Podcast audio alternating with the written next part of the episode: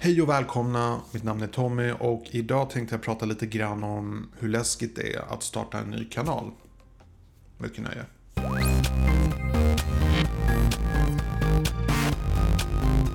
Okej, okay, så att starta en ny kanal det är läskigt. Speciellt med tanke på att du har noll prenumeranter, inga views, det är ingen som tittar på ditt innehåll och du undrar hur länge du kan fortsätta lura dig själv.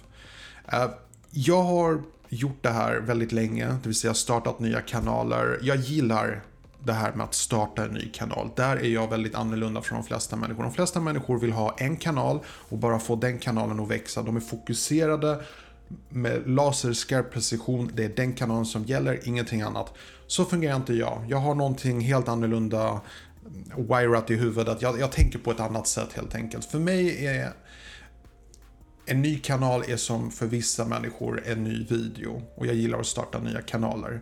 Uh, och jag gillar att se dem växa. Det är inte det. Jag, det är inte att jag tröttnar på mina kanaler och sånt. Det är bara att jag gillar utmaningen att börja från noll och börja uppåt. Jag kan berätta att förra året, jag, jag har som sagt flera kanaler. Förra året så hade jag en intressant grej och det var att jag hade, jag hade startat en kanal 2017 Eh, och jag hade jobbat på den väldigt hårt. Jag gjorde 300 videon eh, och sen så hade jag gjort en dundertabbe. Jag hade gjort någonting som kallas för sub for sub. En video, jag kommer prata om det i en annan video för att det är ett ämne för sig. Jag hade gjort någonting som går emot eh, YouTubes regler. Och de bara tog bort min kanal. Och jag hade ingen backup, 300 videon, poff, borta kunde inte få tillbaka dem på något sätt. Kunde inte överklaga eller något. Eh, jag ville berätta om den här historien, inte för att avskräcka dig från att lämna den här kanalen, utan mer för att inspirera dig att jag satt i ungefär fem minuter och var ledsen. Sen tog jag en lång promenad och började planera en ny kanal.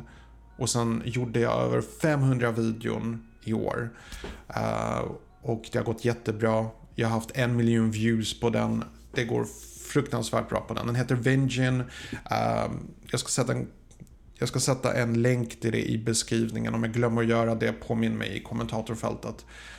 Eh, och det här lärde mig någonting. Det lärde mig jättemycket. Jag har lärt mig fruktansvärt mycket från det här. Eh, det är så fruktansvärt mycket jag har lärt mig om YouTube generellt att jag kan omöjligt ta det i den här videon. Eh, jag ville bara berätta lite grann om just svårigheten att starta en ny kanal. Du kan när som helst starta en ny kanal och du kan nå upp till en miljon views om du bara lägger lite tid och energi på det. Om du tar lite tid och lär dig knep som till exempel på den här kanalen där jag kommer dela med mig alla knep och trick som jag känner till. Det går att få vilken kanal som helst att växa. Det handlar inte om vilket ämne, det handlar inte om eh, hur duktig du är på att tala. Jag anser inte mig själv vara speciellt duktig. Jag gör mycket am, am, am. Och jag är jättedålig på att klippa. Eller snarare sagt, jag är inte dålig på att klippa. Jag har bara inget större intresse av det. För mig att sitta och eh, redigera en video i tre timmar är slöseri på tid. För mig personligen. För att jag hade hellre använt de timmarna för att vlogga. Det är bara sån jag är. Det är inget rätt eller fel här. Det finns olika typer av människor. Det finns Peter McKinnon-typer och det finns sådana som bara vill vlogga. Jag är den typen som bara vill vlogga. Jag vill bara prata. Jag vill bara kommunicera. Det är det jag lägger fokus på. Så jag kör minimalt med redigering och jag sätter fokus på innehåll framför allt strössel runt om. Hur som helst. Starta en ny kanal. Det är läskigt. Det är avskräckande. Och när man gör sådana undersökningar hur framgångsrika YouTubers är så brukar de komma fram med sådana här siffror som att eh, 95% av alla YouTubers tjänar noll kronor. Ja, och det är inte så konstigt för de flesta människor, de startar en kanal, de laddar upp fem videon, sen tröttnar de. Och anledningen att det blir så här, det är för att man lägger upp fem videon och man blir besviken på sig själv att man inte har lika många visningar som Casey Neistat eller Pewdiepie. Och man glömmer det absolut viktigaste och det är att det tog de här stora YouTubers många år att nå upp till den nivå där de är idag. MKBHD har massa intressanta siffror på eh, hur han gjorde 100 videon och hade knappt några prenumeranter alls. Och alltså det, det tar tid att utvecklas som YouTuber. Och när du börjar göra dina första tio videon, du kan räkna med att de kommer vara fruktansvärt dåliga. Så du bör inte lägga ner allt för mycket tid på det, för det, du kan omöjligt konkurrera med de stora YouTubers. Eller rättare sagt, du tror att du kan konkurrera kanske inte konkurrera, men du tror att du kan göra lika bra material som YouTubers som har gjort tusentals videon.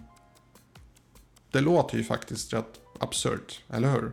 Det tar tid att utveckla videon. Jag kan säga att mina tio... Jag kan säga att varje video jag släpper lär jag mig någonting nytt. Jag lär mig någonting nytt för precis varje video. Desto mer videon jag släpper, desto mer lär jag mig om YouTube generellt. Och jag är långt ifrån att känna till allt. Men jag har redan gjort över tusen videon och jag har den erfarenheten. Jag vet redan väldigt mycket och det är, en, det är en slags färdighet jag inte kan lära ut. Jag kan liksom visa lite knep och tricks och sådär. Men det mesta måste du lära dig på egen hand för det finns så många olika infallsvinklar. Till exempel om jag gör en kanal om hur det är att växa på social media. Då kan man inte riktigt jämföra mig med MKBHD som handlar om någonting helt annat. Det handlar ju om att Uh, om teknik, hur bra en ny smartphone är. Jag kan på samma sätt inte jämföra mig med Casey Neistat. Han vloggar om hur det är att vara och bara vara sig själv. Om personlighet, en hero content. Jag ska berätta mer om det i en annan video. Om olika typer av kanaler. Mitt tips är att inte bry sig om hur många prenumeranter, kommentarer eller likes man får. Utan bara göra det för att man tycker det är roligt.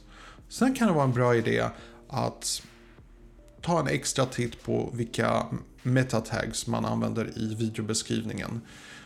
Allting som kan få videon att synas på så många ställen som möjligt. Samt ett tips är att starta olika konton på Instagram, Twitter, Facebook och länka ihop all eh, social media. På det sättet så kan du få folk därifrån att komma hit och hit till dit och så vidare. Så det, det är mitt lilla tips, mitt lilla råd. Um, det är inte lätt att starta en ny kanal, men om man kan uppskatta hur roligt det är och eh, jag tror helt enkelt på att det kan vara väldigt roligt om man slutar jämföra sig med större YouTubers, om man slutar eh, titta på sina siffror eh, utan bara fokusera på innehållet, göra så bra innehåll som möjligt så kommer man ha väldigt roligt. Så mitt råd är, ge inte upp efter fem videon, ge inte upp efter tio videon.